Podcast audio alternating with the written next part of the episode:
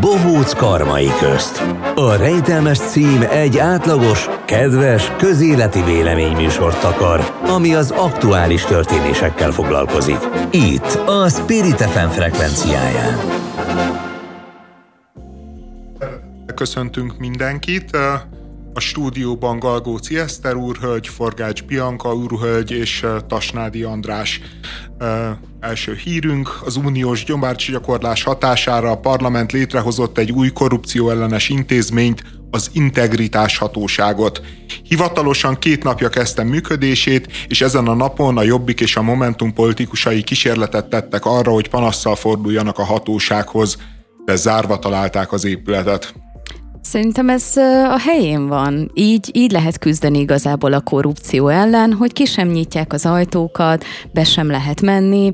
Ez körülbelül olyan, mint amikor Pol Péter mondta, hogy nem nagyon vagyunk elmaradva, vagyis meg, nem haladtuk meg az EU-s átlagot a korrupció tekintetében. Hát persze ez is pontosan egy olyan dolog, hogy ha nem vizsgáljuk ezt ki, akkor nem is lesz eredménye azért az igazsághoz hozzátartozik, hogy... Ez hogy szombaton történt. Igen, hogy azért ez egy szombati napon történt, és uh, ismerve azért a magyar politikai elitet, meg általában a magyar közmorált a szombati munkavégzéshez, hogyha nem hatházi vezeti ezt a hatóságot, akkor azért szerintem logikus, hogy, hogy ezen a szombati napon zárva van, és Értem, csak akkor azt a kérdést hagyd tegyem már fel, hogy miért szombatra kellett tenni ennek a üzembe helyezését, a nyitását, mert ezt viszont nem értem. Az, hogy ők miért nem dolgoztak szombaton, az teljesen világos számomra, de miért pont szombatra kellett tenni a, a, a nyitást? Én el, elárulom nekem, no. mert én véletlenül tudom, és nem a nemzeti konzultációból olvastam ki, de a megfejtés, a helyes válasz Brüsszel. A brüsszeli bürokraták szabták egyébként végső határidőnek ezt a szombati napot, tehát ha már vasárnapra időzítette volna a törvény az integritáshatóság megnyitását, akkor, akkor Magyarország nem teljesítette volna a vállalásait, és valószínűleg nem lenne uniós pénz. Rendben, csak szombatra időzíteni papíron, és nem kinyitni, nem elkezdeni a munkát, az meg nekem kicsit olyan furcsa, mint hogyha nem is történt volna semmi. De ez amúgy általában az Európai Unió által elvárt, nem tudom, mindenféle történetben benne van. Tehát nem az a lényeg, hogy az valóban működjön, hanem hogy le legyen szépen papírozva, és hogyha le van papírozva a dátum, akkor kinyitunk, csak nem nyitunk ki ténylegesen. A másik meg, hogy elkezdhették volna pénteken a munkát, és akkor nem lett volna semmi probléma, de... senki nem kérte volna őket számon, hogy hol a fenébe voltak szombaton. Na jó, de azért a pénteki hivatali munkavégzést is ismerjük, azt hiszem. Tehát, hogy az, hogy kinyitottak volna tízkor, de már valójában a reggeli kávét főzték volna le, és így megpróbálták volna kihúzni délig a, a napjukat csak azért, hogy ott üljenek, ezzel nem lettünk volna sokkal előrébb. Igen, meg azért szerintem bennem is vannak kételyek ennek a korrupció ellenes intézménynek a komolyan vehetőségéről. De miért? Mert Hát, mert Magyarországon élek, és így megtapasztaltam az Orbán rendszernek a De hát most készülünk végre valami jót cselekedni. Ö, most rákényszerített bennünket az Unió, hogy egy ilyen típusú ö, intézményt illeszünk be a, a magyar jogrendszerbe. Ö, két dolog. Az egyik, hogy, hogy hogy szombaton elindul ez a dolog, az nem azt jelenti, hogy ezek szombattól kezdődően már vasárnap börtönbe viszik el a Tiborcot, vagy nem tudom én. Tehát ilyesmit még, akkor, ilyesmire még akkor se számítsunk, hogyha hatházi vezeti ezt a hivatalt. Tehát a, ezekben a napokban, meg hetekben nyilvánvalóan fel kell állnia egy ö, ö, szervezeti struktúrának, informatikai rendszernek, fel kell venni embereket, titkárnőket, a titkárnőt el kell vinni valahova izé, ebédelni, meg vacsorázni, tehát hogy so, sok olyan apróság van, amit ilyenkor a, a főnökségnek végre kell hajtani, és majd pár hét múlva, vagy pár hónap múlva kezdődhet a valójában az érdemi munka, amit mi is esetleg adófizető magyar állampolgárok, akiknek a pénzéből egyébként ez az egész megy, és látják, hogy ezt érdemes volt-e létrehozni, vagy nem volt érdemes létrehozni. Én azért egyébként a cinizmussal annyiban uh, uh, szűkkeblően bánnék, hogy egy ilyen típusú intézmény nyilván, nyilvánvalóan nem fogja az Orbán rendszernek a, a hát az eléggé hát a nemzeti burzsúázia építését nem fogja felfüggeszteni. De önmagában az, hogy van egy ilyen intézmény, ami e, nyilvánvalóan egy erőközpont lesz a nerem belül is, nyilvánvalóan azért e, azt jelenti, hogy nekik időről időre eredményeket kell felmutatni, vizsgálatokat fel, kell felmutatni, és a bürokráciának már csak ilyen a természete, hogy hogyha papírokat gyárt, hogyha hogyha vizsgálatokat folytat, előbb-utóbb azért lehetséges, hogy, hogy eljut érdemi szereplőkhöz, esetlegesen rákényszeríti a, az igazán súlyos visszaélésekkel operáló NER oligarchákat, hogy kicsit fogják vissza magukat, kicsit kevésbé legyenek mohók, és ez már egyébként szerintem mindenképpen egy jó irány. Tehát én, én nem becsülném le ezeket az unió által szorgalmazott különböző jogszabálymódosításokat, meg, meg intézményfelállításokat, mert nyilván az alapvetően nem fogja a rendszer természetét megváltoztatni, nyilván továbbra is lesznek visszaélések, de önmagába, hogy, hogy ez egy szorosabb vizsgálat alatt van, hogy nem lehet olyan gátlástalanul működtetni a, a különböző ellátási láncokat a NER feudalizmuson belül, szerintem az már egy nagy előrelépés lépés, és, és mindenféleképpen a jó irányba tett táncmozdulat.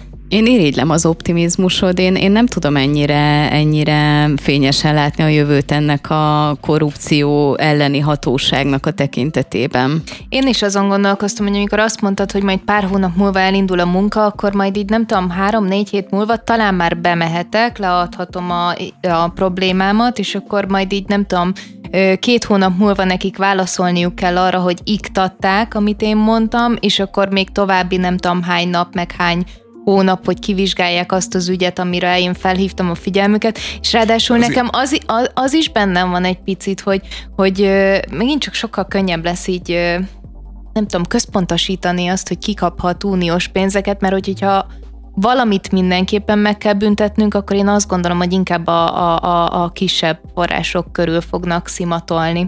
Hmm, én egyáltalán ne, szerintem ez, ezzel várjuk meg a, a hatóságnak a működését, mert ezt a hatóságot nem csak te fogod figyelni, hanem az Európai Unió, meg az Európai Parlament is. Tehát, hogyha ilyen nyilvánvaló visszaélések lesznek, meg nyilvánvalóan elkennek ügyeket, azért annak is következményei vannak egy részről, másrésztről meg hát amit elmondtál, mint kritika, hogy, hogy bemész, majd hónapok múlva iktatják, stb. Hát azért egy jogállamba, ez szerintem Svájcban, meg Németországban is így működik. Tehát nagyon-nagyon karizmatikus vezető kell ahhoz, akihez bemész, és ő azt mondja, hogy tényleg, na jó, akkor lecsapom a fejüket. Tehát, hogy nem biztos, hogy erre a világra vágyunk mi.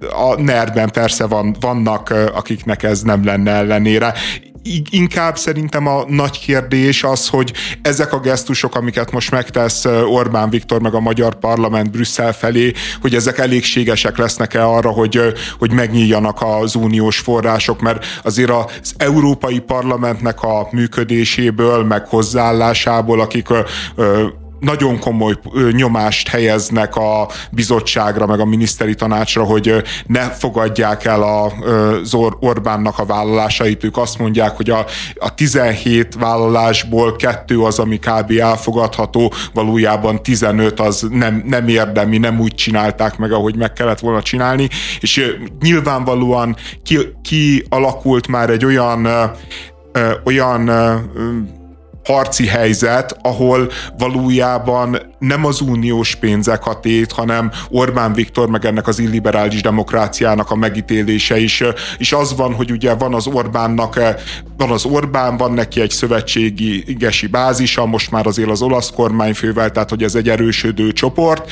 Ezzel szemben van egy lényegesen erősebb, az unió szinten domináns, az Európai Parlamentet is meghatározó mainstream pártokból álló erőközpont, amelyik minden áron meg akarja büntetni az Orbán Viktort, és, és sajnos ennek a büntetésnek az az útja, hogy igazából az országot büntetik első körben, és mi fogjuk elszenvedni, hogyha nem jönnek ezek a pénzek a még gyengébb forintot és a még nagyobb gazdasági visszaesést, és a kettő között van egy nagyon-nagyon vékony politikai akarat, amelyik igazából kompromisszumot akar találni a kettő között. Nagy kérdés, hogy létezik-e ez a kompromisszum, és az a helyzet, hogy én, én azt látom, hogy ezek már egyre kevésbé politikusok, akik ezt, tehát akik összepróbálják még valahogy tartani ezt az Európai Uniót, hanem inkább nagy multinacionális céges érdekek azok, amik mögött állnak, akik próbálják arra tolni a dolgot, hogy azért nagyjából ez jó biznisz eddig az elmúlt évtizedekben mindenkinek ne rúgjuk fel, miközben nyilvánvalóan mindkét oldalban van már egy, egy megveszekedettség a másik ellen, ugye az Orbánék nem akarják valójában az uniónak ezt a fajta ö, ö, szuperállami szerepét, ami felé nyilvánvalóan törekszik a parlament is, meg nyilvánvalóan az unió is, az unió meg egész egyszerűen le akarja törni az írliberális lázadást.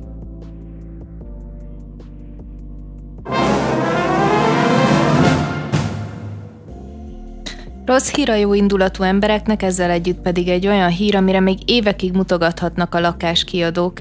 Egy budapesti lakásban három éve nem fizet sem bérleti díjat, sem közüzemi számlákat egy család, akiket azonban ennek ellenére sem lehet kilakoltatni évekig mutogatnak erre majd a lakáskiadók. Nem, hát én arra gondoltam, hogy amikor Ilyen én... sztoriból hetente, két hetente van egy. Hát azért ennyire, talán ennyire durvát én nem, nem sokat láttam, de én arra gondoltam, hogy amikor így böngészem a, a, az albérlet ö, hirdetéseket, valójában minimum a felük, de szerintem inkább a kétharmaduk kizárja például a gyerekes családokat, és akkor így mehetnénk sorba, hogy mi mindent, mert valahol a kisállatot megértem, fő, főleg bútorozott albérletben, van, ahol nem tudom, bemutatkozó levelet kérnek. Olyat is találtam már, hogy, hogy, hogy bemutatkozó levélben ö, kell bizonyítanom, hogy én értelmiségi vagyok azért, hogy egyáltalán megnézzem a lakást, csak arra gondoltam, hogy ez, ez, ez egy ilyen plusz booster lesz arra, hogy, hogy, hogy a gyerekes szülők ne találjanak maguknak albérletet.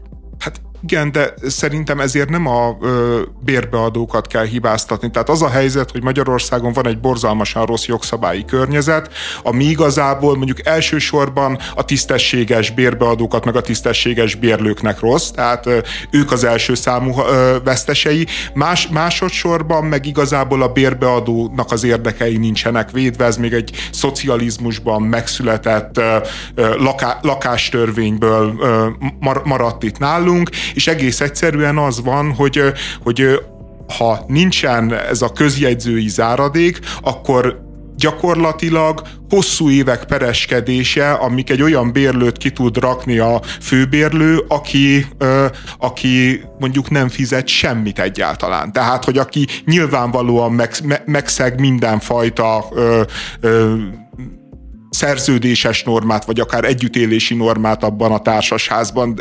Én emlékszem olyan történetre, amikor valaki kiadta a lakását, és nem volt hajlandó kiköltözni a család, nem fizettek, lepusztították, és a, a figuránál, nem tudom én, egy év, másfél év háborúskodás után elpattant a cérna, és, és fizikai erővel kilakoltatta, tehát így kipakolta a cuccaikat, és ezek után őt ö, ö, ö, lehet, hogy börtönbe került, lehet, hogy felfüggesztetet kapott, de, de a lényeg az, hogy nagyon durván megtorolta az állam az önbíráskodást, tehát így a szabályozás tekintetében tényleg én is ezt látom, hogy, hogy borzasztóan rosszul van szabályozó, és ami érdekes nekem ebbe a történetbe, hogy ugye van egy piaci alapon történő albérleti rendszer, és van egy szociális alapon történő, ugye, amit az önkormányzatok kiadnak lakásokat, kvázi a alacsonyabb jövedelműeknek, És nagyon érdekes nekem az a tény, hogy, hogy azért szociális alapon bérbeadott lakásoknál számos helyzetben látunk kilakoltatásokat, míg a piaci alapon bérbeadott lakásoknál ezt nagyon-nagyon ritkán látjuk, illetve egy olyan jogi hosszadalmas procedúra előzi meg, amit most mondtál, András, és ez számomra tök érdekes, hogy, hogy van egy szociális része, ott viszonylag az önkormányzat ezt gyorsan el tudja érni, viszont te, hogyha mint magánember kiadod a lakásodat, piaci alapon, akkor ezt egyszerűen meg van kötve a kezed. Hát az, ezért szerintem ez nem teljesen így van. Egyrészt a szociális alapon eh, kiadott lakásoknál is megvan ez a hosszú procedúra. Tehát, hogy amíg odáig jut, hogy egy nem fizető bérlőt az önkormányzat kirakjon, az általában hosszú évek telnek el, és eh, ezer lehetőséget kap adósságrendezésre, stb. És, eh, De ez biztosan minden esetben így van? Lehet, hogy nem minden esetben. Nyilván vannak visszaélések, nyilván van, amikor el, el akarják szedni azt az ingatlant, és ilyen-olyan trükközések vannak, de, de szerintem azért én amennyire ismerem azért a magyar önkormányzati világot, meg különösen a szociális szektorban dolgozókat, azért azt gondolom, hogy ez, ez a nagyon-nagyon minimális kisebbség. Egyébként kilakáltatások a piaci szférában nagyon sok van, részben azért, mert ahol közjegyző előtt van megállapodás, tehát van aláírva, ott, ott ki tudják rakni nagyon gyorsan, tehát oda mennek rendőrrel, stb. és kirakják. Másrészt meg hát nyilván ott is mennek a perek, és évek múlva kiraknak embereket, csak, csak a különböző ilyen a város mindannyiunké, vagy nem tudom, hogy hogy hívják ezeket város az aktivista, mindenki. város mhm. mindenki, igen, aktivista csoportok általában az önkormányzati kilakoltatások ellen lázadoznak, hiszen itt, itt azért főszabályként olyan emberek vannak, akiknek borzasztó rossz anyagi helyzetük van, és, és a kilakaltatás után valószínűleg az utcára kerülnek egy olyan élethelyzetbe, ahonnét 99% hogy már nincsen visszaút a normalitásba. Tehát, de, tehát hogy meg, meg nyilván egy önkormányzattal szemben azért többet várhat el a civil társadalom, mint mondjuk egy magántulajdonos ellen, mert most Tóth Bélának mi köze van, nem tudom én kinek a nyomorához, de ugye a tizen, mit tudom tudom én, ötödik kerületi önkormányzat a maga szociálisan rászorult nyomorultjait támogassa, azt, azt lehet, hogy el lehet várni. Hát de szerintem itt is volt azért egy türelmi idő, tehát hogy most már ez három éve húzódik, és semmi, semmit nem fizettek három év alatt. Ugye a, a hír arról szól, hogy most jelentek meg ott, meg most próbálták meg elérni azt, hogy legalább a, a közüzemi tartozás az ugye ne az övék legyen, meg hogy kikapcsolják a, a villanyt, hogy ne halmozzanak föl több hátralékot, és ugye ezt se lehet megtenni. Nem tudják kikapcsolni a villanyt, mert a villanyóra ben van a lakáson belül, és a bérlő nem engedi be a villamos műveknek a szakembereit, hogy bemenjen, be, bemenjenek és leszereljék az órát. Tehát, hogy, hogy ilyen abszurd, abszurd jogi helyzetek vannak, és, és egyébként ez azért tud maradni, mert a magyar társadalom alapvetően gyűlöli a főbérlőket. Vagy azért, mert neki nincsen ingatlanja, és albérletben él, és, és emiatt úgy látja, hogy ezek az emberek kihasználják az ő nyomorát, és az ő ö, ö, rossz anyagi körülményein élősködnek. A más része a társadalomnak, aki nem ér albérletbe, az is úgy van vele, hogy hát, hogy van két lakásod, na hát, hogy ez annyira hát szolidaritás semmiképpen sem érdemez. Miközben, miközben az a helyzet, hogy szeretem mindig elmondani, hogy azért a főbérlőknek a takarékosság, a vállalkozó szelleme, az, hogy ők ebből a lakásból nem nem is tudom, mondjuk horvátországi nyaralásokat, meg bali nyaralásokat vásároltak maguknak, hanem egy más embernek megoldják a lakhatását, valóban egy óriási érték a társadalom számára. Valójában egy óriási érték, hogy ezek az emberek, akik lakásokat adnak ki, ezek más embereknek a lakhatását, más embereket lakhatáshoz segítenek. Tehát, hogy, hogy az irántuk érzett ilyen elementáris dű és gyűlölet szerintem egyáltalán nem korrekt és nem tisztességes, még akkor is, hogyha van nagyon sok guztustalan bérbeadó, aki visszaél a helyzetével és basáskodik és hatalmaskodik, de rendszer szinten az a helyzet, hogy, hogy ezek az em- E, ezek nélkül az emberek nélkül Magyarországon sokkal kevesebb lakás épülne, és, és sokkal több ember élne nagyon-nagyon nagy lakhatási szegénységben. Szerintem azért, mert mint hogy nekem furcsa, ahogyan beszélsz erről, mert nem hiszem, hogy a magyar társadalom nagy része utálja a főbérlőket. Az más kérdés, hogy nyilván mindig a szélsőséges vélemények vannak egyik-másik oldalról felül reprezentálva, de nekem pont az a problémám egy, egy ilyen hírrel, tehát hogy én tudom, hogy ez létezik, és van, és több is van, mint kellene, de hogy közben meg egyébként vannak igenis tisztességes albérlők, akiket mondjuk az ilyen esetek miatt nem fognak, ö, ö, nem fognak tudni lakáshoz jutni. Hát igen, pont ez a lényeg, hogy azért lenne jó egy kiszámítható ö, jogszabályi környezet, ahol mindenki tudja, hogy meddig ér a takarója, mert abban a pillanatban egyébként sokkal több ember rakna befektetést, hogy lakást vegyen és kiadja albérletbe, és, az, és, és egész egyszerűen miután kisebb a kockázatot, hiszen tisztább a jogszabályi környezet, ezért nagyobb lenne a verseny, és olcsóbbak lennének az albérletek. Tehát hosszú távon mindenki nyerne azzal, hogyha, hogyha ez a ez a része a piacnak rendesen szabályozva lenne, és a, és a normális, meg a korrekt működést jutalmazná a, az állam, de hát ezzel szemben meglátjuk, hogy, a, hogy az ügyeskedők és a gátlástalanok azok, akik, akik kaszálnak, akár a főbérlői oldalról, akár az albérlői oldalról, miközben az albérlőknek valóban nagyon sok esetben irreálisan drága ingatlanárakkal kell szembesülni, de, de, de abba tudni kell, hogy benne van az a kockázat, amit ilyenkor a főbérlő érez, amikor egy 20-40-60 milliós ingatlant odaad valakinek, hogy használja, és egész egyszerűen így vannak olyan esetek, amikor utána nem fér hozzá évekig. Tehát, hogy, és, és ez sajnos tükröződik az albérletárakban. Szerintem is ezt fontos kiemelni, hogy egy picit árnyaljuk ezt a dolgot, hogy ugyanúgy, ahogy most ugye jelenlegi hír kapcsán egy, egy olyan albérlőről beszéltünk, aki, aki visszaélt a helyzetével, de azért ez nagyon sok esetben fordítva is megtörténik, és ez szerintem ahhoz, hogy, hogy ezt is a helyén tudjuk kezelni, ezt, ezt el kell mondani, hogy nagyon-nagyon sok főbérlő is visszaél él a pozíciójával azzal, hogy az ő tulajdonában van az ingatlan, az ő döntése adott esetben nem engedi, hogy megjavítasd a fűtést, ő meg csak öt nap múlva fog ö, szerelőt hívni, tehát nagyon-nagyon sok ilyen dolog van, ami, amit egyszerűen jó lenne, hogyha szabályozva lenne rendesen, mert ez védené nem csak a, a főbérlőt, de az albérlőt is. Vegyél egy ijesztő alakot, például a bohócot. Állítsd, hogy valami titkos világ összeesküvés része. Ígeri bizonyítékokat. Mondd azt, hogy te vagy az igazság egyedüli birtokosa. A titkok tudója. Ez a siker receptje. De mi nem ezen az úton járunk. A Bohóc Karmai közt egy szokásos, hagyományos, közéleti véleményműsor. Garantáljuk a korrektséget, a kiegyensúlyozottságot és az unalmat.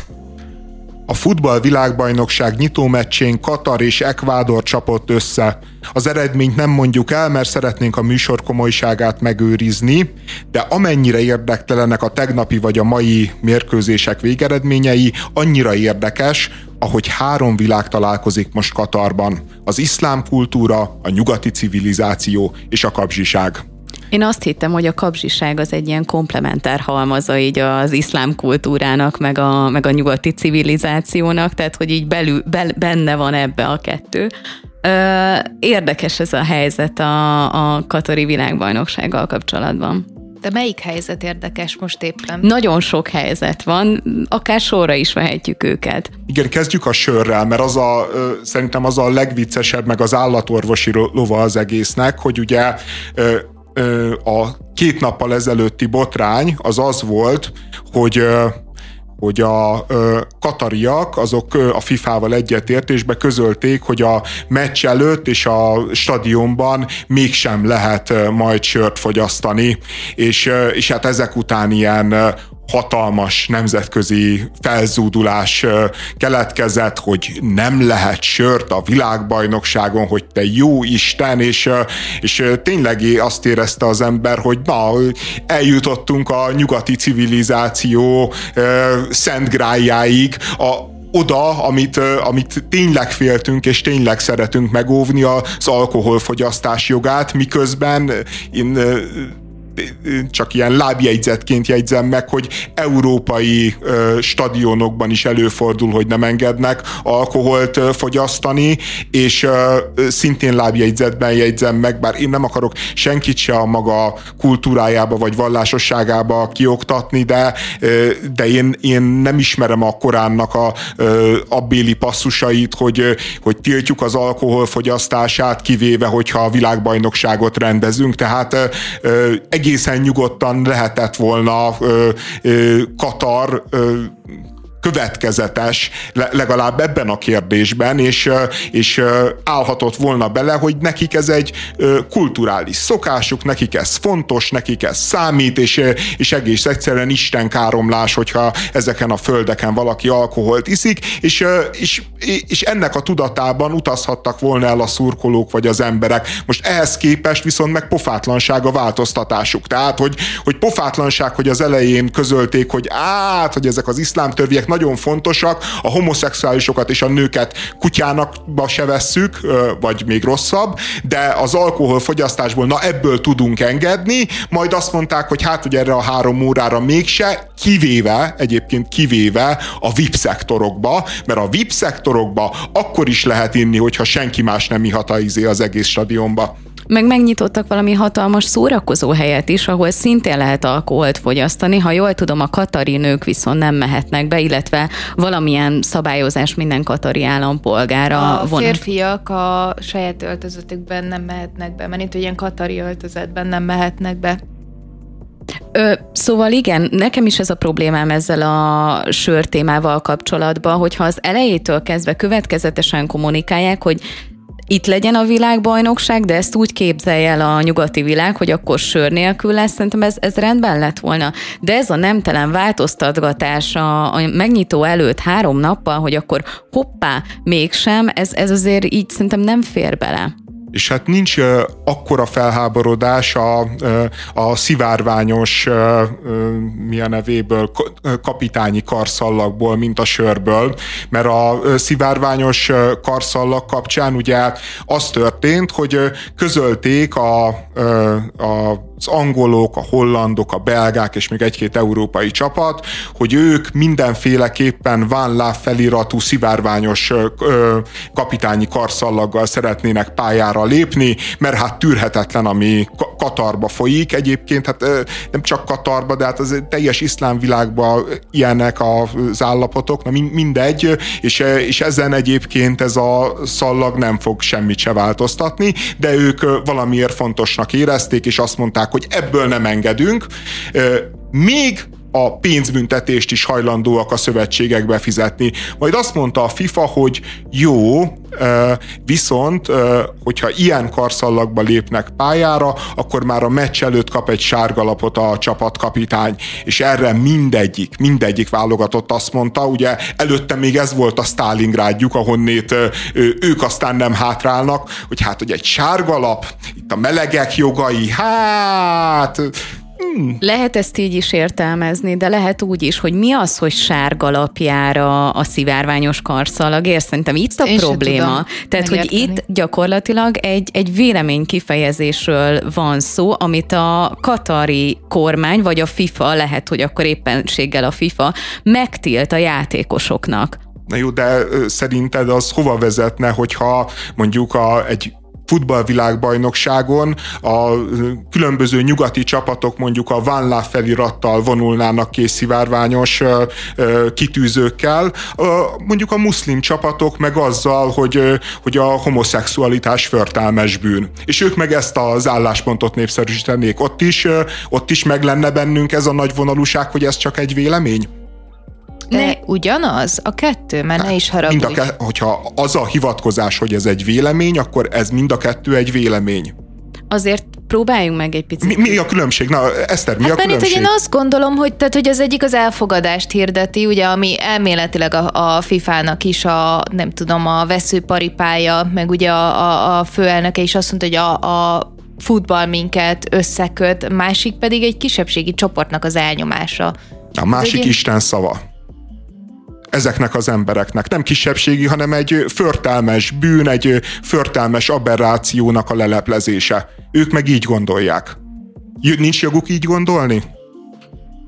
Szerintem akár még gondolhatják így is, tehát hogy nem ezzel van a probléma, csak az, hogy mondjuk egy, egy tényleg egy nyugati rendezvényen, ami, ami tényleg... Nem, e, ez egy világrendezvény, ez egy FIFA rendezvény, ez ugyanannyira a rendezvény az afrikaiaknak, ugyanannyira az ázsiaiaknak. Szerintem egyébként, hogyha megszavaztatnánk a FIFA országait, aki rendezik ezt a VB-t, azoknál többségben lenne a, a homofób álláspont szerintem. Lehetséges, de túlnyomó részben mégiscsak nyugati állam állampolgárok látogatják ezt a versenyt, de ezt te... Mert nekik van rá pénzük, de csak ennek köszönhetően... Jó, ne haragudj, de akkor, akkor, hogyha innen indulunk ki, hogy kinek van erre pénze, és ki finanszírozza ezt a nyugatiak, akkor viszont ha már, és ezt nem én mondom, hogy a foci a pénzről szól, akkor miért nem lehet ebből kiindulni, de még csak nem is. Jó, tehát de... azt mondod, hogy aki rendeli a zenét, az határozza meg, hogy mit, mit Nem ezt mondom, a... nem ezt mondom, mert ha ezt mondanám, akkor az lenne a, a narratíva, hogy, hogy hát igen, Katar rendezi a VB-t, most ő diktálja a szabályokat, mert kvázi bevásárolta magát. Nekem azzal van a problémám, hogy itt most hivatkozhatunk arra, hogy, hogy ez az ő istenüknek a hite, stb. vagy a, az ő vallásuknak a hite, de azért azt amellett nem menjünk el, hogy ott is van egy csomó ember, aki emiatt elnyomásban él, és nem feltétlenül ebben hisz, Viszont olyan, olyan dolgok vannak ráerőltetve, ami, ami, ami egyszerűen neki nincsen szabadsága ahhoz, hogy ő elmondhassa, hogy ő ezzel nem ért egyet, és amúgy elfogadná a szexuális kisebbségeket, és neki ez így rendben van. Abban a közegben nincs ehhez joga, és szerintem valószínűleg abban tök igazad van, hogy egy, egy szivárványos karszalag az nem váltja meg a világot, viszont mint szimbólum, hogy beférkőzik ebbe a világba, az, az talán nem semmi. Nem is azt mondom, hogy valami, de talán nem semmi. Egyébként higgyed el, hogy mondjuk egy muszlim ember, mondjuk egy nagyon vallásos muszlim, az úgy tekint a Nyugat-Európára, hogy itt valójában kihasználják a nőket, a női testet, borzalmas visszaélések zajlanak a nők kárára, egész egyszerűen prostituáltként kezeli a nyugati ember a nőket, az ő számára az egy felháborító dolog, ami itt megy és itt működik, és, és ő, ő is azt gondolja egyébként, hogy, hogy, hogy nincsen szabad, hogy, hogy neki se lenne itt, és egyébként ebbe igaza is lenne, neki se lenne itt szabadsága elmondani az ő mondjuk homofób nézeteit, vagy, vagy a nők mondjuk különböző jogfosztásához, amit ő, ő egyébként úgy él meg, hogy nem jogfosztás, hanem valójában segíti kiteljesedni a nő életét, segíti azt, hogy megélhesse a maga nőiségét. Tudom, hogy ezt nem így gondoljátok, én se így gondolom, de ők így gondolják, és ők meg azt látják egy szabadságnak, és ami itt van Európában, azt látják egy diktatúrának, véleménydiktatúrának, ahol, ahol nem mondhatod, és mondjuk, hogyha neked más a véleményed a homoszexualitásról, mint mint a mainstream, akkor ugye te már nem mehetsz ki a pályára, neked már a véleményedhez nincsen jogod, hiszen az egy ö, milyen kirekesztő nézet. És emiatt a kirekesztő nézethez nincsen jogunk. Azért azt hozzátenném, hogy, hogy én választhatom azt, hogy úgy éljek, mint egy, mint egy muszlim nő. Szerintem itt ezt Európában nagyjából megtehetném, viszont azoknak a nőknek, akik ott élnek, nincs ilyen választásuk, és ez ténykérdés. És ebből induljunk, én elhiszem azt, hogy, hogy az ottani világban nagyon sokan úgy, úgy értékelik, hogy az európai nők elnyomottak, de ezt a tényt azért szerintem ne, ne hagyjuk ki ebből a dologból. Aztán itt van még a kóserételek kérdése. Ugye Katar vállalta, hogy hogy minden világvallásnak szabadságot ad a rendezvény ideje alatt. Ehhez képest a körülbelül tízezer zsidó vallású szurkolóról beszélünk, akik jelenleg ott vannak Katarban. Ehhez képest megakadályozták a különböző kóserételeket, meg, meg zsidó valláshoz kapcsolódó sátrak, boltok, elárusító helyeknek a létrejöttét, mondván, hát, hogy ez, ez egyébként ugye egy ilyen nagyon-nagyon kemény rendőrállam, mondván, hogy hát ők nem tudnák megvédeni a, az ilyen típusú boltokat.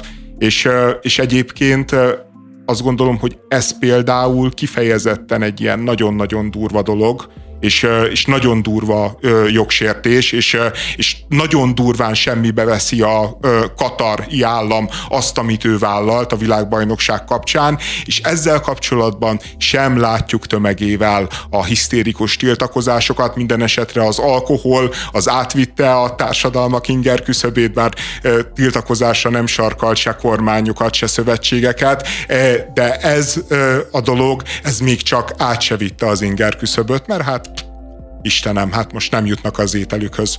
Hát innen Magyarországról nézve ez valójában kit érdekel. Nekem a kedvencem az, hogy direkt megnéztem, hogy az M1 híradó hogyan számolt be arról, hogy elindult a, a Katari világbajnokság, és ugye minden egyes híradó spotban már, mint hogy más tévéknél így láttam, hogy így beszélnek egy picit az emberi jogokról, beszélnek egy picit így a sörárusításról, tehát hogy így van egy ilyen, ilyen körkép. Az M1 híradó úgy kezdte, hogy minden idők legfurcsább VB-je ez. És ezt arra hivatkozva mondta, hogy ugye télen van. Valójában utána bemutatták, hogy milyen csodálatos volt a, a tűzijáték, és egyébként a sörről megkérdeztek azt hiszem két angol turistát, akik elmondták, hogy egyébként kicsit kényelmetlen, de meg tudjuk oldani így is.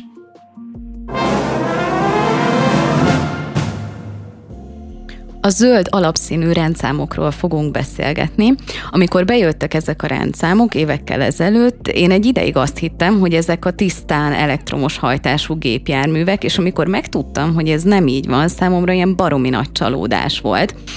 A zöld rendszámok a tisztán elektromos gépjárművek mellett a belső égésű motorral rendelkező autók és tisztán elektromos, tehát elektromos üzemmel is képesek menni ezek az autók, olyan 25-50 kilométert, ezek a plug-in hibridek. És nekem nagyon furcsa az, hogy ezek a belső égésű motorral rendelkező gépjárművek ugyanolyan kedvezményeket kapnak, mint a teljesen elektromos hajtásúak. Adókedvezmények, regisztrációs adó, teljesítményadó, átír, átírási illedék, illeték elengedése, illetve ugye számos helyen parkolási Ö... Könnyítések, sőt ingyenes parkolás. Igazságos ez? Hát szerintem alapvetően nem igazságos. Tehát itt én azt gondolom, hogy maga az a törvényhozói szándék, hogy valamilyen módon az elektromos autózást próbáljuk támogatni, meg pörgetni, az, az, az egy akceptálható dolog, ha elfogadjuk, hogy az elektromos autózás az tényleg kevésbé környezetszennyező, mint a, mint a hagyományos. Tudom, hogy vannak viták, és tudom, hogy most azért a mainstream álláspont az, hogy, hogy az elektromos autózás azért környezetbarátabb, környezetkímélőbb. Én azt gondolom, hogy városi környezetben meg kifejezetten egyébként pozitív dolog, hogyha elektromos hajtású egy autó, és nem benzines, de, de az a helyzet, hogy itt valójában mi történt? Nem az történt, hogy, hogy azt mondták, hogy már van egy elektromos technológia, ami mondjuk 3-4-5 millió forinttal drágább, mint a, a normál autó, és ezért mi ezt a 3-4-5 millió forintot megpróbáljuk különböző állami segítségekkel, szabályozással eltüntetni.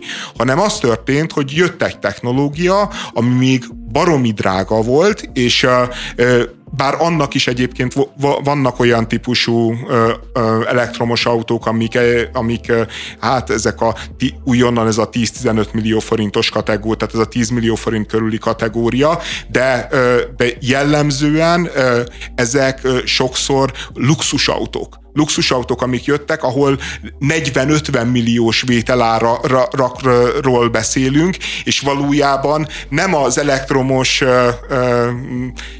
átállást sürgette a törvénykezést, hanem a magyar elitnek a maga jó kis hobbiához, hogy neki plugin, mi a nevéje legyen, Hibrid. városi terepjárója. Ehhez azt mondta, hogy itt van még pár millió forint adókedvezmény, itt van ingyenes parkolás, éljed, élvezzed a pénzedet, mi segítünk abban, hogy ezt igaz, érezd úgy, hogy ezt jól költötted el, és ez, ez végtelenül rossz. Tehát, hogyha azt mondták volna, hogy él ez a zöld rendszám, de csak a tisztán elektromos kocsiknál. Ha azt mondták volna, hogy él ez a zöld rendszám, de mondjuk maximalizálják az autónak a súlyát, ami, aminek odaadják, tehát mondjuk azt mondják, hogy most másfél tonna, vagy nem tudom én mennyi, akkor szerintem ez egy jó szabályozás lett volna, és, és afelé nyomta volna a piacot, hogy, hogy aki normális, átlagos jövedelemmel rendelkező ember is elgondolkodjon azon, hogy elektromos autót érdemese vennie.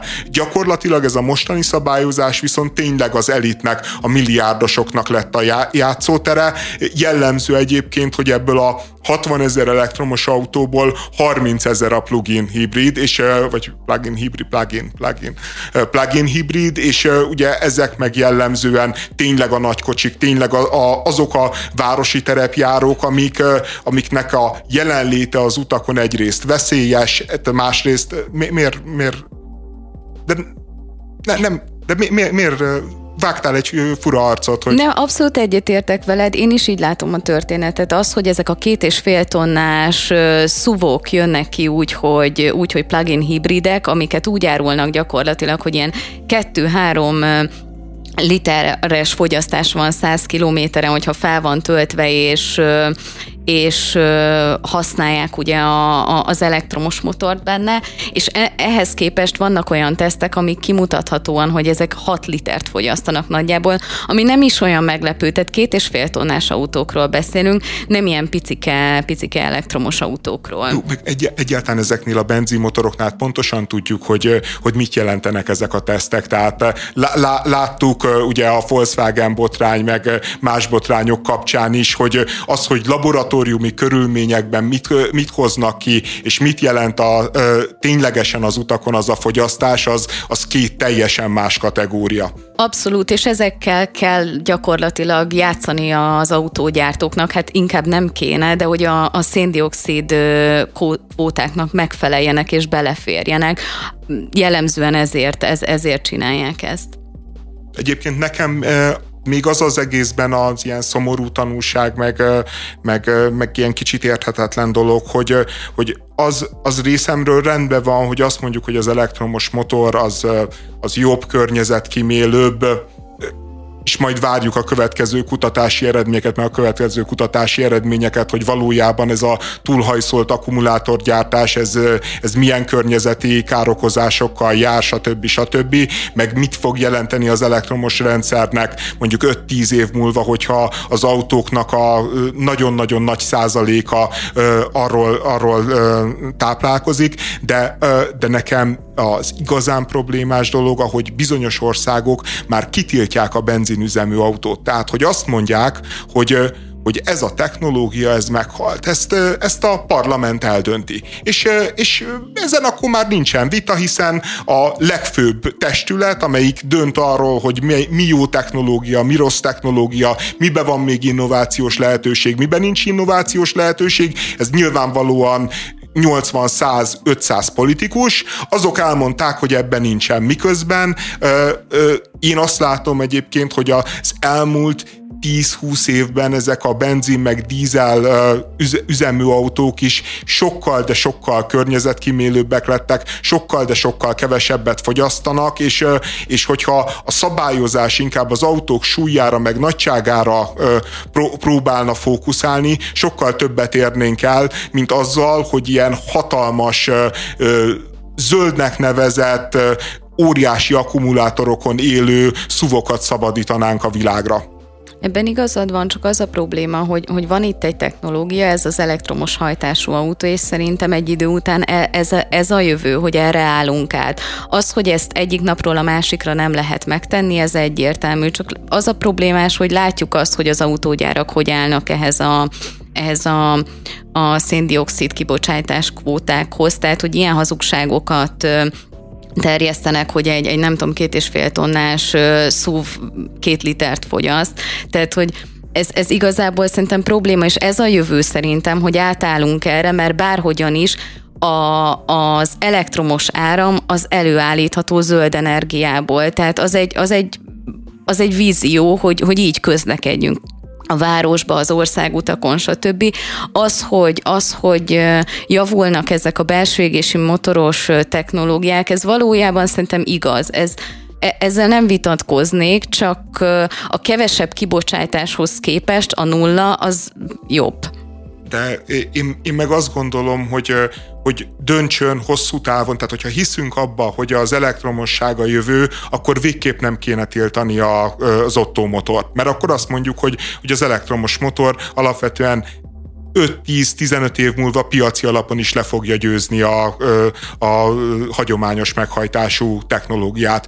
Ha, ha viszont meg ebben nem hiszünk, és azt mondjuk, hogy ez soha nem lesz így, akkor, akkor biztos, hogy csak ezt az egyetlen technológiát kell támogatnunk, és, és eldobni a másikat, ami ki tudja, hogy 5-10-15-20 év múlva hol tartana? Egyetlen mentségük, hogy pénzért csinálják, hogy soha nem gondolták komolyan, hogy nem gonoszak, csak ostobák. A korpás haj és hazugság zuhatag alatt. Tasnádi András, Galgóci Eszter és Forgács Bianca. A Román Kutatásért, Innovációért és Digitalizációért felelős minisztérium konferenciát szervezett, melynek a témája a kiberbiztonság volt.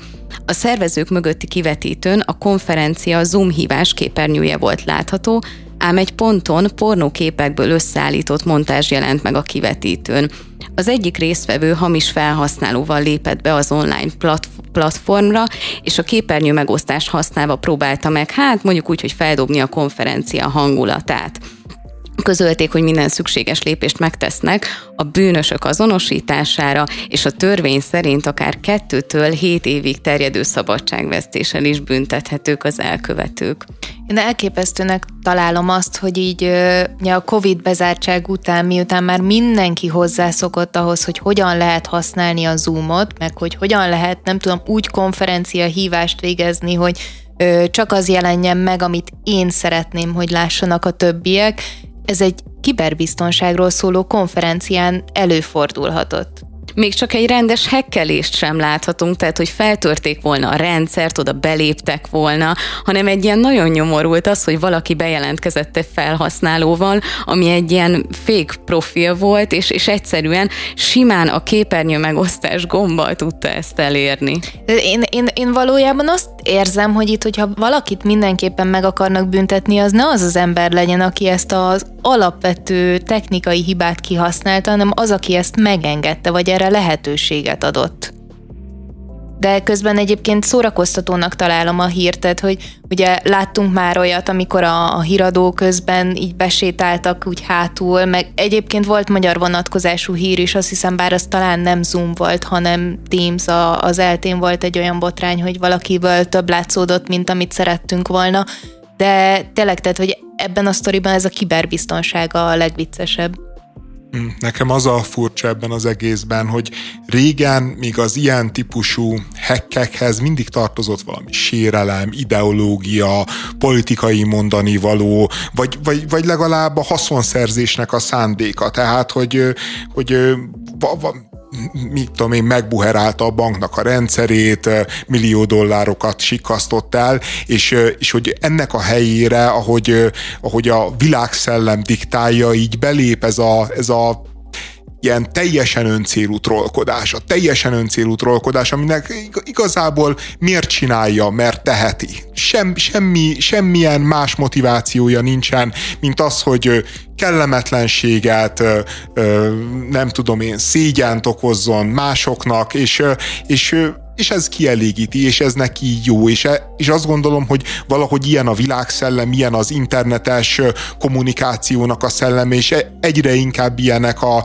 hétköznapi viszonyaink is, tehát, hogy, hogy, hogy úgy eltűnik a, a ráció, eltűnik mindenfajta érdemi tartalom, és helyette marad, maradnak ezek a megszégyenítő gesztusok, a, az ilyen végtelenül primitív és, és, és alantas pornó, pornó felvételek, amik így nagyjából elmondják, hogy ő mit gondol a világról. Nem feltétlenül értek veled egyet olyan tekintetbe, hogy te azt hiányolod, hogy, hogy valamilyen, valamilyen célt szolgáljon, hogy anyagi, anyagi haszonszerzést. Én, én szerintem nekem ez speciál nem hiányzik szerintem kiszolgált egy célt, felhívta a figyelmet, hogy milyen nevetséges már ez, hogy egy kiberbiztonságról szóló konferencián arra volt képes a technikusi gárda, hogy egy olyan Zoom meetinget setupoljon, ahova bárki bemehet, és bárki engedély nélkül egyszerűen csak megossza a képernyőjét. Én szerintem ez tök sokat elárul erről a minisztériumról is, magáról, a hozzáállásról, a, a digitalizációhoz, akár az adatvédelemhez is. Tehát, hogy én, én ebben látom azt, hogy ennek, ennek van, egy, van egy olyan jelentősége, amit, amit lehet, hogy nem feltétlenül lehet elsőre kiolvasni, de Szerintem ez, ez több és mélyebb annál, hogy valaki nagyon viccesen pornóképeket osztott meg egy ilyen konferencián. Nekem ugyanez volt az első benyomásom erről.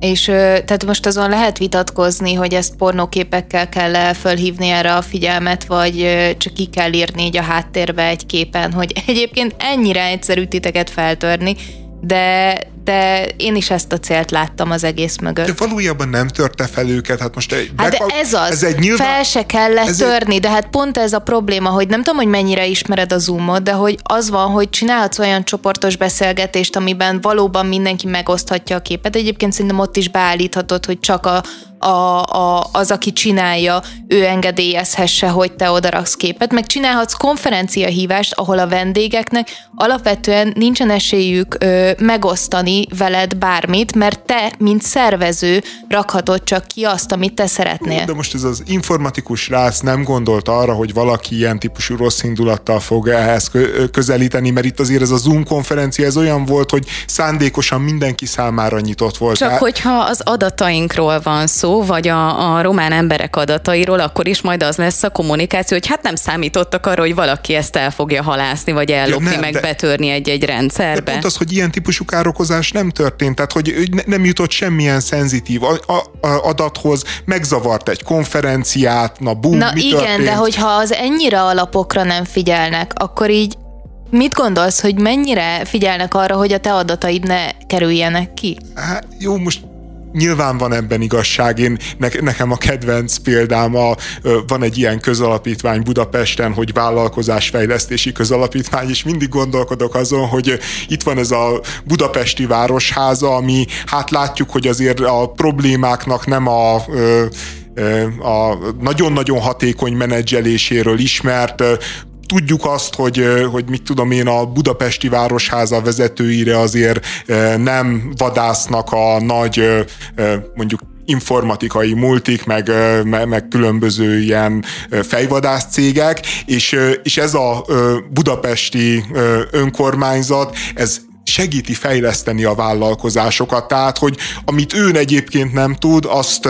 azt abba tanárként lép fel, és, és ad tanácsokat olyan embereknek, akik egyébként a saját pénzüket, a saját életüket, a saját munkájukat viszik a piacra, ellentétbe velük, akik, akik meg hát a közvagyonával sáfárkodnak nem feltétlenül jól. Tehát én ezt a részét értem, meg ez engem is irritál a, az államba, vagy akár még a nagy cégeknél is, csak, csak egész egyszerűen én én nem, nem látom, hogy itt, itt, itt tényleg egy hekkelés történt volna, tényleg valami, valami eszméletlen nagy hiba történt volna, annyi történt, hogy az informatikus srác az elfelejtett bekapcsolni egy gombot, és emiatt 8 percre megzavartak egy konferenciát, és na bum, ennyi történt. Tehát, hogy, hogy, hogy... De pont ez az abszurd ebben, András, hogy ezt te is meg tudtad volna csinálni, meg én is, és ez azért eléggé nevetséges egy ilyen kiberbiztonsági konferencián. De Tehát... hozzáteszem, hogy az, hogy hogyan állítsd be,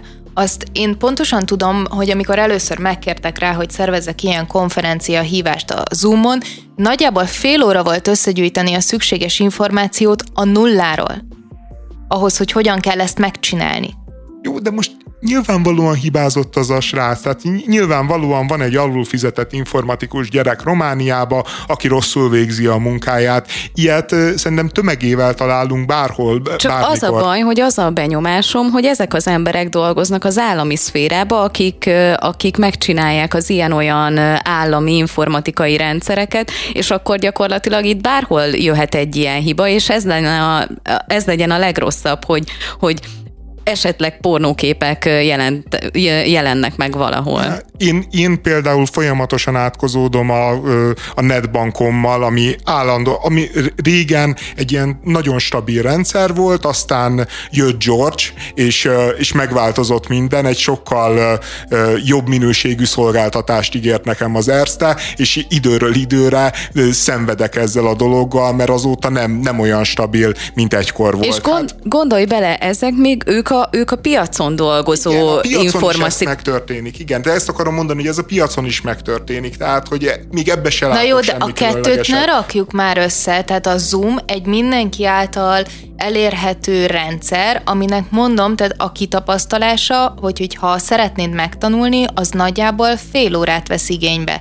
Nem ugyanaz, mint egy netbank. De jó, de ez az informatikus gyerek nem rakta bele azt a fél órát, és most uh, én, én, én nem értem az egész elkattanás ezen, mert ez a, ez a hír ez bejárta a világot, hát nem, nem történt semmi. Igazából nekem az a furcsa, hogy ilyen hekkel, hekkelésekbe uh, uh, nincs, nincsenek na- nagyon az utóbbi időben ilyen nagy hekkelés sztorik, vagy legalábbis nem tudunk róla. Tehát, hogy én emlékszem, hogy amikor az Anonymous megjelent, a 2000-es, mint 2010 környékén, lehet, hogy 2005 környékén, nem tudom, a- akkor így a, ez a hacker társadalom, ez azt ígérte, hogy megváltoztatja, átformálja a világot, mert hogy olyan tudásuk van, olyan eszközeik, amikkel a jó ügy szolgálatába állítva ma, majd itt, itt millió igazságtalanságot, stb. lelepleznek, és valahogy az utóbbi években például az Anonymous teljesen eltűnt egészen az ukrajnai háborúig, mert most, most megjelentek újra, és így nagyon aktívak,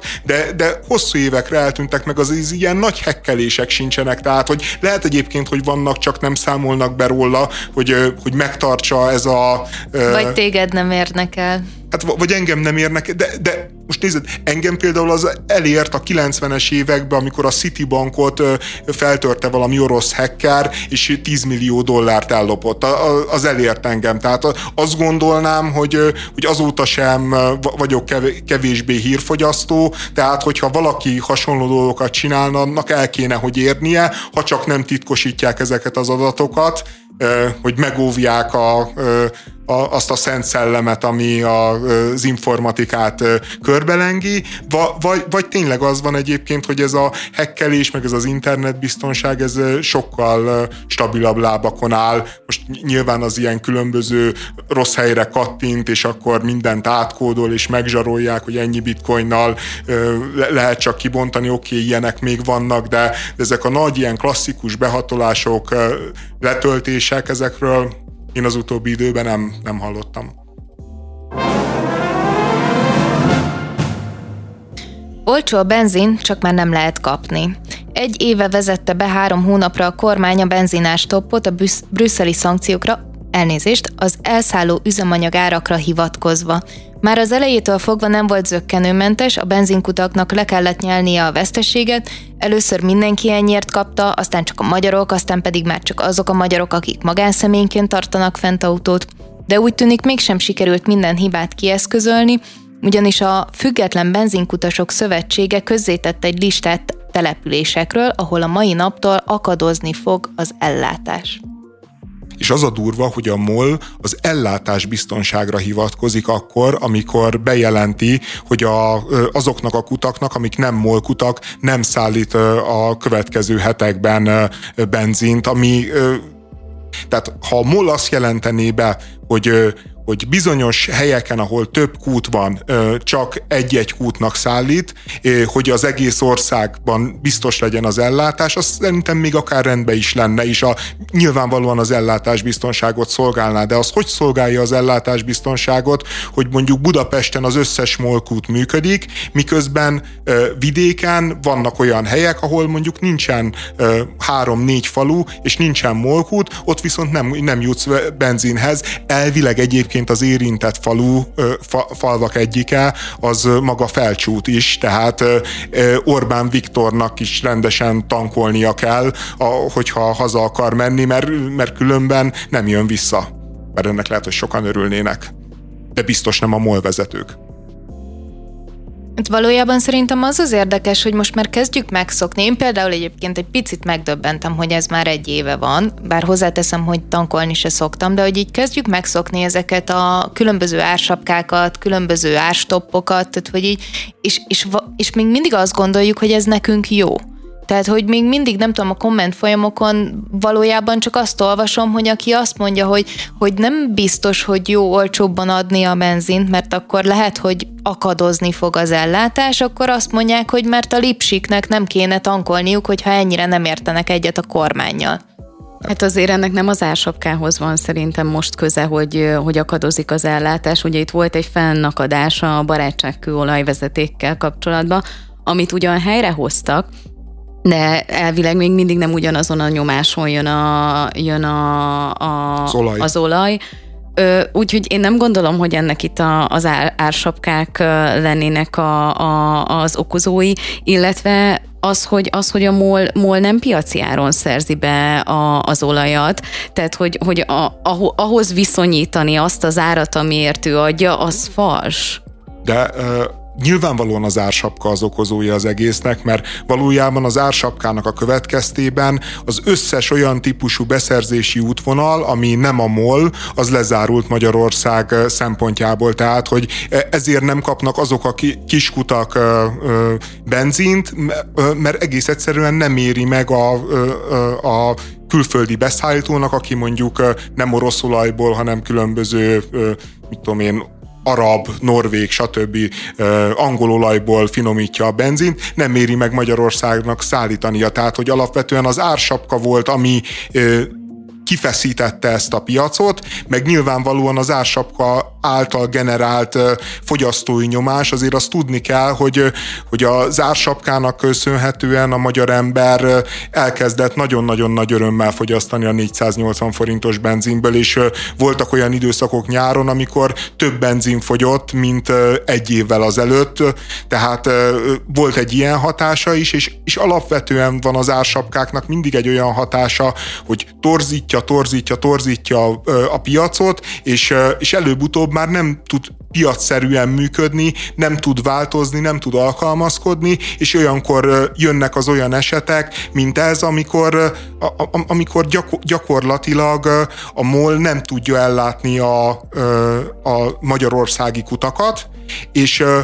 és szerintem egyébként versenyjogilag is egy aggályos dolog, ugye ne, neki kötelessége, tehát hogy a, azt hiszem, hogy valami kormányrendelet előírja, hogy a molnak el kell látnia ezeket a kutakat, és ő azt mondja, hogy nem látja el, olyan kutak ezek, mint akik neki a versenytársai. Tehát, hogy, hogy ha most tönkre fognak menni kisvállalkozók tucatjai, vagy, vagy adott esetben százai, mert nincsen mit árulniuk, egyébként kötelező nyitva lenniük, ha nem nincsenek nyitva, akkor átveheti a kutyukat. A MOL be is jelentette, hogy azokat a kutakat ugye átveszi, amiket bezárnak. Most jó kérdés, hogy hogyan fogja átvenni azokat a kutakat, amiket most se tud ellátni. Tehát, hogy akkor mi, miért venni át, meg hogy venni át. Tehát, hogy, hogy egész egyszerűen az egész helyzet az, az végtelenül kaotikus, végtelenül megoldásért kiállt, és, és nem ismerünk más megoldást a kapitalizmus keretein belül, mint hogy rábízni az ilyen típusú problémákat a piacra, amit előbb-utóbb a, valószínűleg a kormánynak is meg kell fontolnia, mert, mert én most hallottam először olyan hangokat különböző benzinkutasoktól, hogy, hogy azt mondják, hogy, hogy kvázi nem fogják betartani a törvényt, nem engednek csak egy liter tankolni a kedvezményes áruból, vagy egyáltalán nem szolgálják ki azokat, akik kedvezményes áron akarnak benzinhez jutni. Ez meg, meg egy ilyen szituáció meg alapvetően veszélyeztetné már a kormányzatnak az autoritását is. Tehát, hogyha eljutunk oda, hogy, hogy a magyar vállalkozók nem tudják és nem akarják betartani a törvényeket, annak nagyon-nagyon-nagyon súlyos hatásai lesznek hosszú távon túl a benzinen egyébként, ami, ami már rövid távon is nagy-nagy probléma. De én úgy tudom, hogy már most van ilyen kút, aki ezt mondja, hogy, hogy nem fog benzint adni hatósági áron. Hát igen, igen. Hát ez, ez a Akkor durva... már itt vagyunk, megérkeztünk gyakorlatilag. Hát Igen. mostanra érkeztünk meg ide, tehát hogy eddig volt az, hogy nem tudom, nem tudsz már itt tankolni, ugye már az is egy kicsit gyanús volt, amikor így azt hiszem nyáron voltak olyan kutak, ahol pont a hatósági áras benzin folyamatosan ki volt fogyva, de most már, tehát hogy, hogy nem az van, hogy ilyen kicsit ügyeskedő, egyébként teljes mértékben érthető nem tudom, kiragasztották mondjuk azt, hogy légy szíves, ne itt tankolj, mert amúgy muszáj lenne kiszolgálni, de nem tudunk, vagy nem éri meg nekünk, hanem most már beleállnak, és azt mondják, hogy ez eddig volt, és nem tovább. Igen, a jó példa szerintem, amit azért el kell mondani az ársapkánál, meg minden ilyen állami beavatkozásnál, az Venezuela, ami egy olyan ország, ami a világ egyik legnagyobb kőolajkészletén ül, és néhány éve, vagy viszonylag so, sok ideje egyébként már ott is bevezették a, az ársapkát a, a benzinre, és a világ leg, egyik legnagyobb kőolajtartalékával rendelkező ország, ami egyébként a multinacionális cégeket elüldözte az, a felség területéről. Ebben az országban pillanatnyilag is benzinhiány van. Mélység nélküli csacsogás Mérték nélküli okoskodás? Morál nélküli szemforgatás? Tényleg ezt akarod? Akkor hagyd ott a Facebookot, engedd el a romkocsmás haverokat, mondd le az ebédet azzal a csinos szociológus lányjal, mert amit te akarsz, az itt van, a bohóc karmai közt, a Spirit fm Párkapcsolati tanácsok jönnek, pontosabban a hosszú házasság titka. Nem tőlem, hanem egy texasi fiatal házaspártól, Jadentől és Andy-től, akik a TikTokon osztották meg gondolataikat, négy szabályt fektettek le a kapcsolatuk elején. Az első, hogy nem szabad találkozni ellenkező nemű emberrel, kettesben. A második, hogy mindig meg kell osztaniuk egymással, hogy hol is tartózkodnak éppen harmadik, hogy nem titkolnak egymás, egymás elől semmit, és a negyedik, egyben a legfontosabb, hogy megosztják egymással az összes jelszavukat, legyen szó bármilyen platformról. Szerintem ez egy elég slendrián lista, tehát hogy én még minimum két dologgal tudnám ezt kiegészíteni. Egyrészt nincs szükség arra, hogy megosszuk egymással a különböző jelszavakat, hogy, hogyha csak egy-egy platformunk van, mint úgy értem, hogy például a Facebook regisztrációnk az az, hogy Jani és Juliska. Ez és az egyik, ilyenek. Igen, és ez, ez, ez szerintem egyébként egy nagyon hatékony módszer, illetve az első is annyira, nem tudom, megengedő, hogy nem találkozhat kettesben ellenkező neművel a, a másik. Én azt gondolom, hogy a hosszú, igazán szeretetteljes kapcsolatnak a titka az, hogy 0-24-ben együtt vagyunk, akkor nem kell megosztani egymással ugye egyrészt az se, hogy hol vagyunk, másrészt pedig nincs az a probléma, hogy valaki ellenkező neművel szóba elegyedhet a másik. De és ez megoldást jelent a, a második dologra is, hogy, hogy nem kell megosztani egymással, hogy hol tartózkodnak, hiszen mindig együtt vannak. Igen. Igen. Valójában ez a nem szabad találkozni ellenkező nemű emberrel, valójában ez a fő szabály, és az összes többi alszabály azt szolgálja, hogy ezt a, ezt a dolgot, ezt így a másik kézben tartsa, és tényleg érvényesítse és ellenőrizze. Tehát én, én egyébként mindig azon merengek ilyenkor, hogy, hogy valójában mi a, mi a félelemnek a tárgya. Tehát a félelemnek a tárgya a megcsalás és az ezzel járó egófájdalom, vagy a vagy a, a félelem attól, hogy elveszítjük a másik, egyáltalán ez két dolog, abban sem vagyok biztos, hogy a félelem az, hogy elveszítjük a másikat, és majd el fog hagyni bennünket, stb. Tehát, hogy, hogy, hogy mi indokolja ezt, ezt a tényleg ilyen patológiás őrületet, ami egyébként ilyen elképesztően népszerű, tehát, hogy, hogy ezek a, be az ilyen TikTok videókban, Instasztorikban, Facebook bölcsességekben ilyen állandóan visszatérő dolog, hogy, hogy milyen szabályok mentén kell szervezni egy párkapcsolatot, és hogy jó, és hogy tökéletes, és, és hogy lesz nagyszerű, miközben hát azt látjuk, hogy valójában az emberiség tízezer, de legalább kétezer, vagy legalább ötezer éve próbálkozik azzal, hogy, hogy megfejtse, hogy hogyan működik jól a párkapcsolat, mi az igazán üdvözítő know-how ehhez, és, és ennyi idő alatt egy dolog derült ki, hogy nincsen egyetlen üdvözítő know-how. Tehát, hogyha van mondjuk két ilyen tényleg patológikusan rettegő ember, aki ennyire fél, hogy, hogy megcsalják egymást, ott egyébként én elképzel, elképzelhetőnek tartom, hogy ez egy jó ö, működés. Tehát, hogyha ez tényleg két embernek egyszerre a belső igénye, akkor oké, okay, miért ne? De amikor ők fiatal párként ezt úgy reklámozzák, hogy na itt a titok, ami a hosszú kapcsolatnak a titka, miközben ők nem tudják felmutatni a hosszú kapcsolatot, hiszen ők még csak egy fiatal pár, nincsen mögöttük az az élettapasztalat, mert amire verhetnék el, ne, nem rakták le az asztalra azt a 30-40 boldog monogám évet, ami, ami mondjuk egy ilyen kijelentés meg kéne, hogy előzzön, de, de bennük van egy belső igény, hogy ezt így, így, így az egész világra kiterjesszék, és, és egyébként ez a párkapcsolatoknak szerintem az egyik legfontosabb tanulsága, hogy mindenki, amit éppen csinál, és éppen ahogy csinál, csinál, azt tartja tökéletes megoldásnak. Tehát, hogyha találkozol egy emberrel, aki most vált el, az el fogja mondani neked, hogy öreg, a vállás az a jó megoldás. Hogyha nem működik, el kell válni. Találkozol valakivel, aki ö, nem vált el, hanem kitartott, az azt fogja neked elmondani, hogy öreg, nem szabad válni, ki kell tartani, kinni kell benne, építkezni, dolgozni kell rajta, és így, és így, és így. Nekem az az érdekes ebben a nem találkozhat a másik neművel, hogy valójában én azért nem értem, és most fokozom a kérdéseidet, mert hogyha a másik ember csak a tiltásom tartja vissza, akkor én honnan tudom, hogy ő valójában engem szeret. De ez csak egy ilyen kérdés, én ennél sokkal gyakorlatiasabb dolgokra is gondoltam, hogy például hogyan látogathatja meg a, a férfi a saját édesanyját vagy hogy hány éves kortól számít férfinek és nőnek valaki, tehát hogy például egyébként gyerekkel, hogy hogyha mondjuk születik egy kisfiúk, akkor az anyuka kimehet egyedül a játszótérre.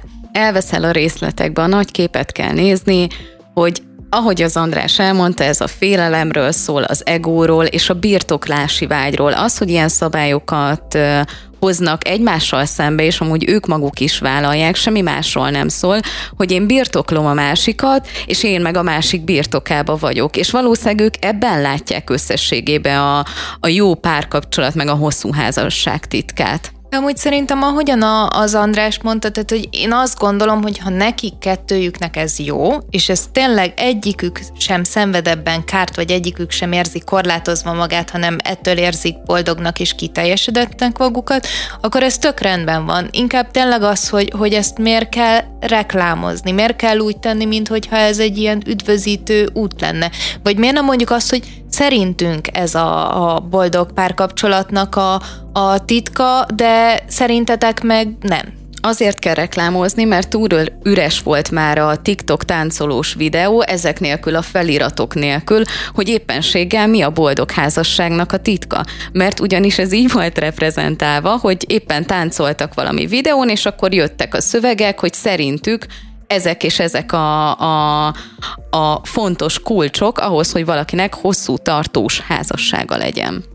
Egyébként szerintem a hosszú tartós, mert nyilván mindenkinek megvannak a, a maga Halljuk, hogy szerinted mi a... Igen, szerintem egyébként az a hosszú párkapcsolatnak az egyik titka, hogy, hogy nyilván, nyilván kell lenne, lennie titkod a másik előtt, tehát hogy a, hogy a másik ember azért az mindig egy kicsit egy rejtély kell, hogy maradjon. Szerintem ezek a, az ilyen nagyon nagy kitárulkozás, ez a, hogy, hogy nincs nincs valójában nincs, nincs már egy belső világod, egy belső kis intim zónád, ahol, ahol te vagy, meg a gondolataid, meg a vágyaid, hanem, hanem ezt az egészet kitolod, az szerintem részben ijesztő lehet, részben ijesztő a tartalmát tekintve, mert, mert nyilván mindenkinek vannak olyan gondolatai, amik, amik a másikat adott esetben megriasztják, Rész, részben meg ijesztő. Ura vagy. A, a, Tessék? Fura vagy.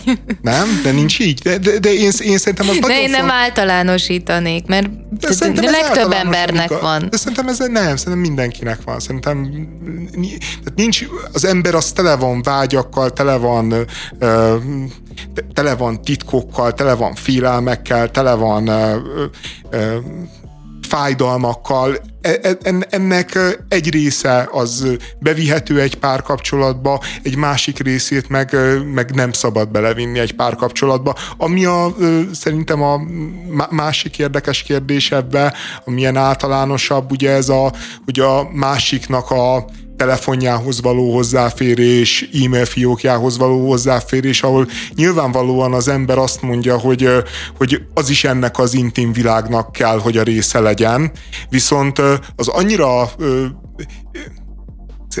tehát, hogy egy olyan csábító dolog, hogy hogy megtudjad azt, hogy, hogy igaz-e mindaz, amit a másik mond neked, hogy bizonyságot szerez. Hogy ennek valójában meg azt érzem, hogy így általában nem lehet ellenállni, nem? Én nem tudom, mert... Te még soha én, nem néztél bele a csávódnak a telefonjába? Én egyébként végig gondoltam, és a valóságban mindig tudtam a jelszavakat, már csak ilyen gyakorlati okokból is, hogy ha valamit kellett távolból intézni, akkor, akkor ezt meg tudjuk tenni, és én őszintén hiszek abba, hogy nem rossz dolog az, hogy, hogyha megosztjuk egymás ö, ö, jelszavait, de az igen, amikor ezeket használjuk.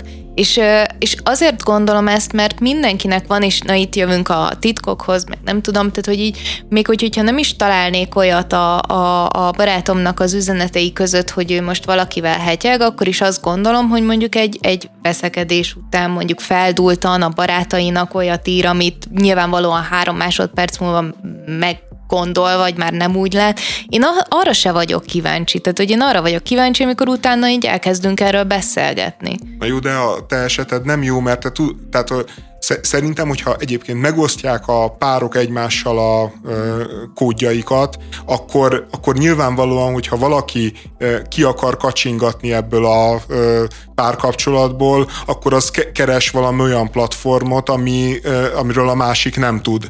Tehát, tehát valójában, hogyha te tudod a párodnak a jelszavát, és ő tudja, hogy te tudod a jelszavadat, akkor valójában az semmit nem jelent, hogy mi történik azon a platformon, milyen kommunikáció zajlik. Tehát igazából a nagy kérdés az, amikor ő azt gondolja, hogy biztonságban van, te nem tudod a kódját, akkor például megnézni, de mert igazából akkor lepleződne le, hogy kicsoda valójában az, akivel élsz, akivel megosztod az életedet. Én azt hiszem, hogy azért nem, mert engem felbosszantana, hogy, hogyha az enyémeket nézegetnék. Tehát, hogy szerintem az egy, az egy, ez inkább vállók, mint egy megcsalás. Hát ennek a kulcsa az, amit az elején mondtál, András, hogy ez mind a három pont az elsőre vezet vissza, hogy ne legyen kvázi kettesben történő találkozás egy másik emberrel, magyarán ne legyen semmilyen esély félrelépésre. Volt a második pont, hogy mindig meg kell osztani osztaniuk egymással, hogy hol tartózkodnak. Ennek viszont tényleg van gyakorlati haszna. Én például ebben nem látok olyan, olyan nagy problémát. Én szeretem tudni, hogy... Ja, tök normális dolog szerintem Abszolút, tehát én, én, nekem ez volt a, az a pont, amin így, így e, meglepődtem, hogy, hogy ez, ez tényleg egy praktikus dolog. Az, hogy tudod, hogy hol van a másik, bármi történik, akkor nem nem az van, hogy így elkezdesz találgatni, hogy hol keresem a másikat, hogyha azt mondta, hogy nem tudom, tízre otthon van, és hajnali kettőkor még sehol nincs, és mondjuk nem válaszol a, az üzenetekre. Igen, de akkor te a félrelépést mondtad öntudatlanul is, vagy tehát azt mondtad, hogy azért kell tudnia, hogy a másik ne nem, találkozom nem, mással, nem. hogy nehogy félrelépjen. Tehát te is annak abba a táborba vagy, amelyik az a, a félrelépéstől fél, és nem attól, hogy a másik elhagyja. Nem, én attól hogy félek, hogy elüti az autó a férjemet, és nem tudom, hogy hol történt ez meg. De jó, de nem, tehát, hogy a valóságban szerintem, amire te most célozni szeretnél, az az, hogy hogyha ezt a négy pontot így egymás alá tesszük, akkor nem tudjuk úgy értelmezni, hogy ők valójában nem azt akarják kikerülni, hogy nehogy véletlenül megcsalja őket valaki. Igen, nyilván. Tehát, hogy én is azt gondolom, hogy, hogy itt, itt alapvetően egy ilyen egófélelem, egy egószorongás van az egész mögött, és, és az borzasztó lehet egy ilyen kapcsolatba élni, ahol ennyire, ennyire rettegsz attól, hogy, hogy ennyire a része az önképednek az, hogy téged, téged nem csalhat meg ez a férfi, de hogyha lehetősége lenne, akkor biztos megcsalna. Igen, Tehát, de nekem itt, is ez a problémám, itt, itt a kettő hogy így együtt bízik? a nagyon durva, hogy itt a kettőn együtt nagyon nagyon durva, hogy ő egy, egyszerre akarja nagyon ezt a férfit, kizárólagosan, vagy ezt a nőt, és egyszerre biztos abban, hogy ez a nő, akit ő, vagy férfi, akit ő nagyon akar, ez simán félrelépne, és simán, hogy ö, egy kalandkedvér, egy, ö, egy kellemes szombateste kedvér dobná a kettejű kapcsolatát, és nem érdekelni, hogy neki ezzel milyen fájdalmat okoz. Nem feltétlenül ez lehet, hogy csak a túlbiztosítás az, hogy, az, hogy semmiképpen ne történhessen meg az a helyzet, hogy mondjuk kettesbe van valakivel, mert húha, akkor mi történne.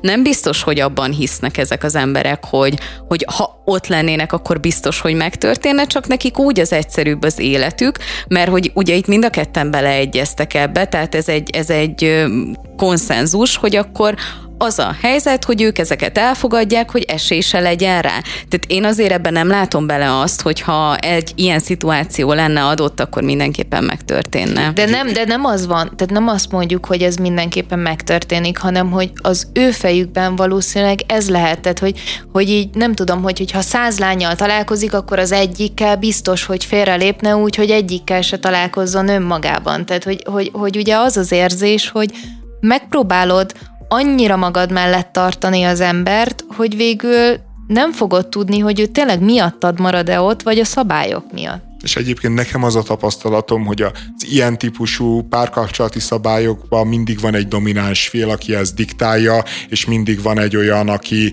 aki hát a nagyobb jókedvéért ezt elfogadja, de, de általában az a helyzet, hogy ezek soha nem konszenzuálisak.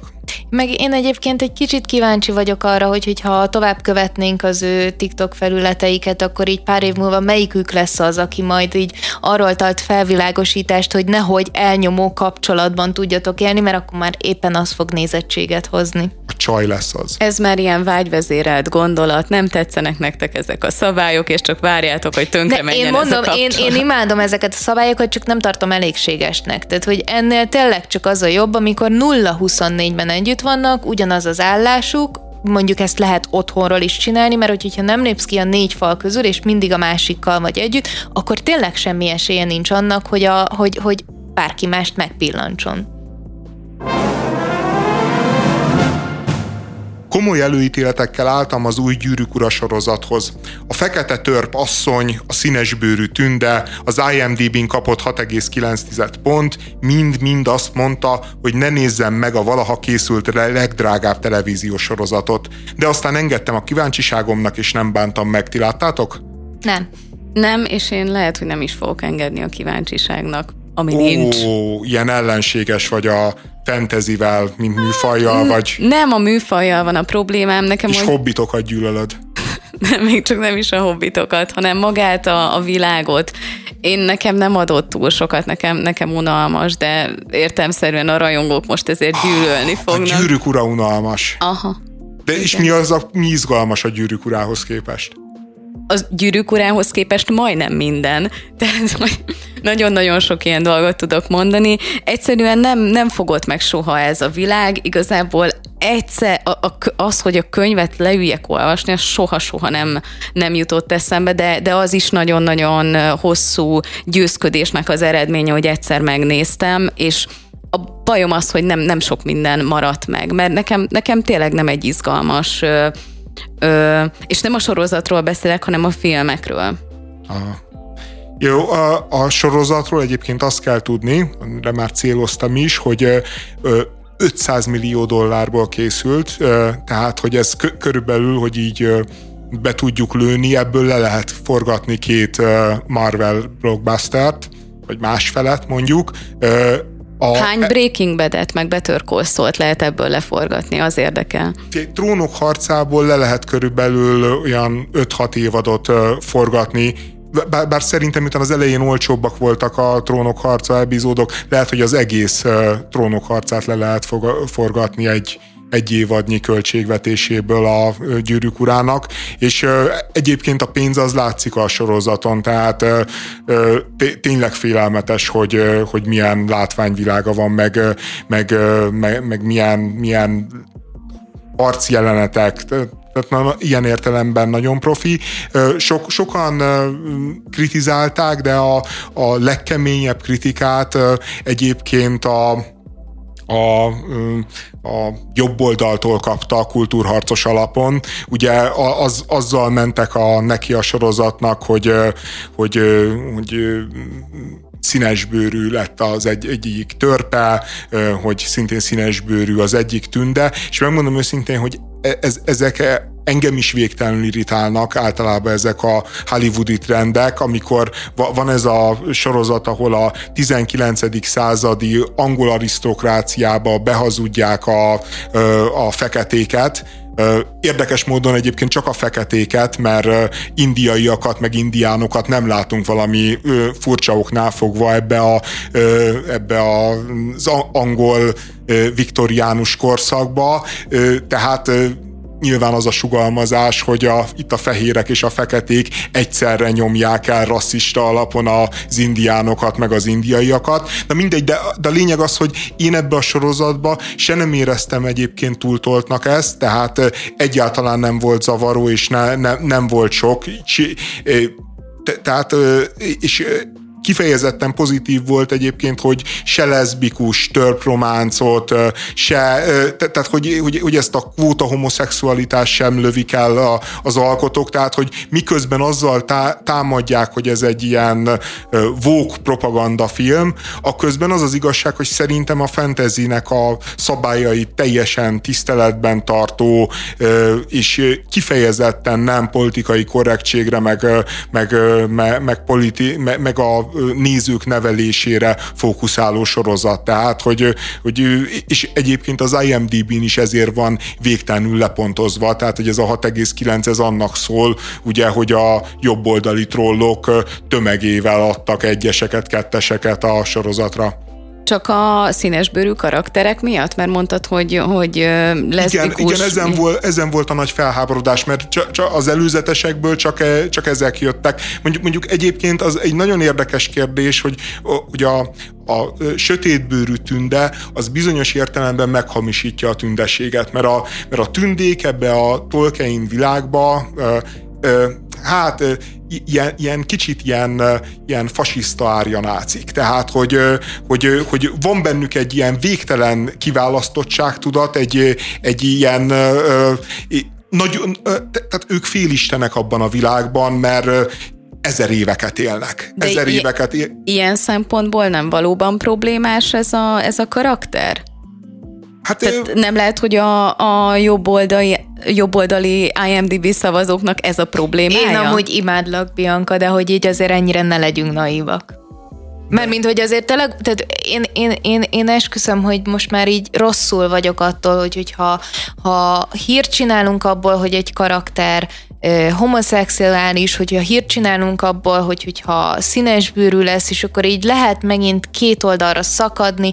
Az egyik azt mondja, hogy ennek semmiképpen nem szabad megtörténnie, a másik azt mondja, hogy ennek mindenképpen meg szabadna vagy mindenképpen így kell történnie, és én, mint egyszerű néző, egész egyszerűen nem értem, hogy ahol engem ez a történetben nem akaszt meg, mondjuk nem az angol arisztokráciáról beszélek, ahol ez engem a történetben nem akaszt meg, az miért zavar másokat? De most mondta el András, hogy nagyjából hogy kell elképzelni a tündék karakterét, hogyha ez valóban Igen, de azért... Van. Hogy...